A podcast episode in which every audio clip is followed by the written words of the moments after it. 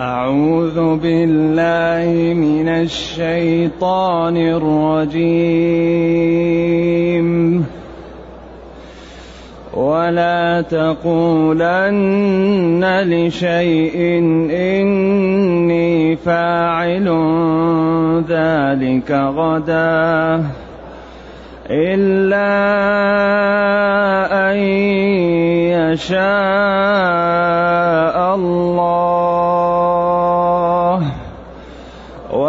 واذكر ربك إذا نسيت وقل عسى أن يهديني ربي وقل عسى أن يهديني ربي لأقرب من هذا رشدا. ولبثوا في كهفهم ثلاثمائة سنين وازدادوا تسعا. قل الله أعلم بما لبثوا. قل الله أعلم بما لبثوا. له غيب السماوات والأرض. له غيب السماوات والأرض أبصر به وأسمع. ما لهم من دونه من ولي. ما لهم من دونه من ولي ولا يشرك في حكمه أحدا. ولا يشرك في حكمه أحدا. واتل ما أوحي إليك من كتاب ربك. لا مبدل لكلماته ولن تجد من دونه ولن تجد من دونه ملتحدا. الحمد لله الذي أنزل إلينا أشمل كتاب وأرسل إلينا أفضل الرسل وجعلنا خير أمة أخرجت للناس. فله الحمد وله الشكر على هذه النعم العظيمة والآلاء الجسيمة. والصلاة والسلام على خير خلق الله وعلى آله وأصحابه ومن اهتدى بهداه. أما بعد فإن الله تعالى يقول لنبيه ولا تقولن لشيء إني فاعل ذلك غدا ذلك غدا إلا أن يشاء الله. واذكر ربك إذا نسيت. هذه هو سبب ورود السورة. لأن قريشا ذهبت ليهود وقالت لهم إن رجلا منا قال إنه رسول. وأنتم أصحاب كتاب وعلم سابق. فهل هو رسول أو غير رسول؟ نستشيركم أعطونا رأيكم. فقالوا سلوه عن ثلاثة. وبالإجابة يتحقق هل هو رسول أو غير رسول. فلما جاءوه وسألوه قال لهم صلى الله عليه وسلم غدا أخبركم. غدا أخبركم. ولم يقل إن شاء الله. فتخلف الوحي مدة أيام ووجد بذلك. فنزل الجواب ونزل التعليم ولا تقولن لشيء ويدخل فيه دخول أول سؤال قريش لك عن الكهف. قوم شباب راحوا لكهف ورجل طواف في الأرض وعن الروح. هذه الأسئلة ولا تقولن لشيء سئلت عنه أو أردته إني فاعل ذلك غدا. إلا أن يشاء الله إلا أن تقول إن شاء الله. وإن نسيت أن تقول إن شاء الله في ذلك الوقت قل إن شاء الله. واذكر ربك إذا نسيت. إذا هذا تعليم من الله لنبيه وتأديب له وتوضيح له لما ينبغي فيقول إن شاء الله يأتيني الوحي وأخبركم.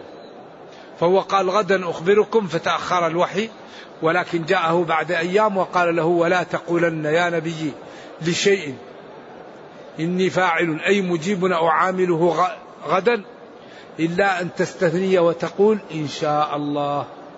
وإن نسيت أن تقول إن شاء الله فقل إن شاء الله. واذكر ربك إذا نسيت أن تقول إن شاء الله فقل إن شاء الله.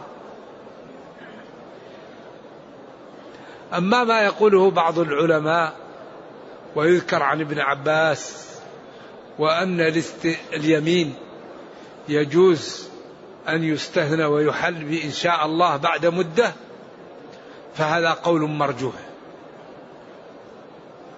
اليمين إذا قلت والله لأفعلن إن شاء الله. هذا كأنك تحللت. لأنك إذا ما فعلت يعني الله ما شاء. أما تقول والله لا أفعلن وتجلس يوم يومين وتقول إن شاء الله لا.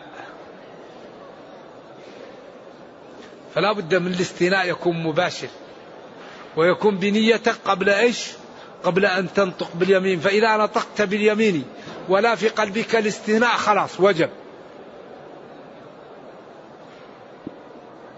أما ما قالوا عن ابن عباس وأنه يجوز قال العلماء لو كان الاستثناء يصح لما قال لي أيوب وخذ بيدك ضغثا فاضرب به قال له قل إن شاء الله ولا تحنث إنا وجدناه صابرا نعم العبد إنه أواب. قال له خذ بيدك ضغثا فاضرب به. قال له أقسم يضربها مئة صوت. مئة صوت كثير. قال اجعلها في شماريخ كلها. واضرب مرة واحدة. أيوة ولا تحنث. فقالوا لو كان الاستثناء يصح لقال قل له إن شاء الله قل إن شاء الله. إذا ولا تقولن يا نبي لشيء إني فاعل أو سأقوم به غدا إلا أن تصحب المشيئة وتقول إن شاء الله ذلك. فإن نسيت أن تقول إن شاء الله وتذكرتها فقل إن شاء الله. وقل عسى أن يهديني ربي لأقرب من هذا رشدا. عسى من الله واجبه أن يهديني يرشدني. ربي لأقرب لأسهل من هذا رشدا في أموري كلها. الله قادر على أن يهديني لكل شيء ولأقرب من هذه الأمور فنسأله الهداية ونسأله التوفيق ونعمل بطاعته. ثم قال في جواب السؤال ولبثوا في كهفهم ثلاثمائة سنين ثلاثمائة سنين. قراءتان سبعيتان ثلاثمائة سنين. يعني تسنين أو ثلاثمائة سنين مضافة إليه. وازدادوا تسعة. قال العلماء هؤلاء الفتية جلسوا في هذا الكهف ثلاثمائة سنة شمسية. وإن عددنا بالقمرية تسع سنين زائدة. لكن لأن كل مئة سنة شمسية تساوي مئة سنة وثلاثة سنوات قمرية. وهذا كأن عليه الجمهور. ولكن أبا حيان يقول سياق اللغة العربية لا يقبل هذا. إن هذا السياق لا. العربي يعني اللغة العربية هذا السياق لا تقبله. وإن قال به جلة من العلماء وإنما السياق لبثوا في كفين ثلاثمائة سنين وتسع سنين. بس ازدادوا تسعا هذا عطف تسع سنين. وأن هذا يكون بالقمر وهذا بالشمس قال اللغة العربية كأنها تمنع هذا. وهذا قول الجمهور وهذا قاله أبو حيان. وقال إن السياق لا يقبل هذا ازدادوا تسعا وأن هذا يكون ب أن هذا ما, ما يقبل في اللغة. والقرآن نزل بلسان عربي مبين. إذا لبثوا في كفهم ثلاثمائة سنين وتسع سنين. مئة وتسع سنوات. بعدين قال لهم قل الله أعلم بما لبثوا. والله هو أعلم بما لبثوا. إذا قال بعض العلماء هذا ذكر من الله وقال هذا قول لبعضهم.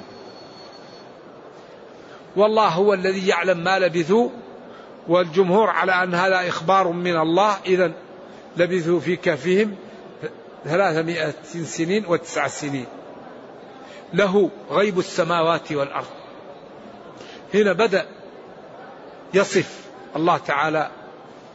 وهذا الكلام فيه في جمل هي محل الثقل في الكلام. ينبغي أن يتنبه منها وأن يعمل بها وأن يعمل بمقتضاها لأن الكلام إذا قيل فيه أماكن من الكلام هي محل الثقل فيه. الكلام يأتي لكن فيه بعض الجمل هي محل الثقل في الكلام. أنت عندك جار عياذا بالله يعق والديه. وأنت تزور جارك. تريد أن تصح له وتريد أن تضع له النصيحة في قالب مؤدب. فتأتي وتتكلم معه وتذكر له عمله وتذكر له حياته وما يعمل وأموره. وبعدين تقول إن من يعق والديه يوقع نفسه في الورطة. إذا كل الكلام هذا مقدمات. هذا هو المقصود من الكلام. واحد يرابي جار لك يرابي وتريد أن تحذره من الربا تزره. بعدين تأخذ معه في كلام في تجارته أو في أموره. بعدين تقول له ترى الربا مثل السم.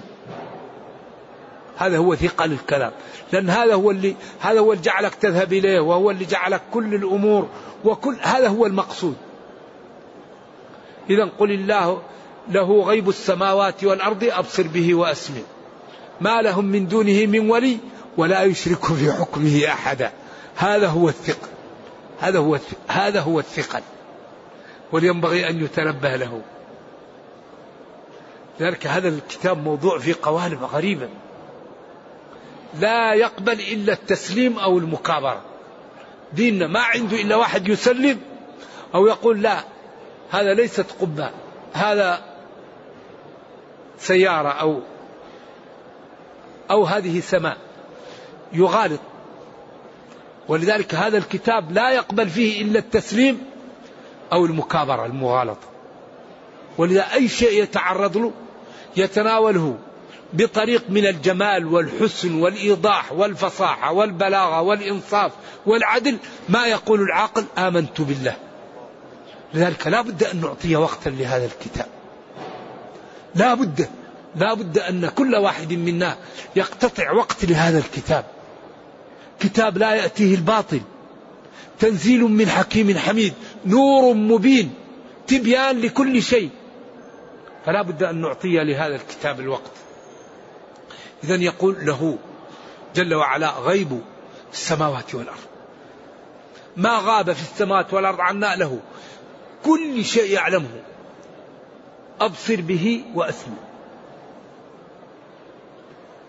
ما يفعل يراه وما يقال يسمعه.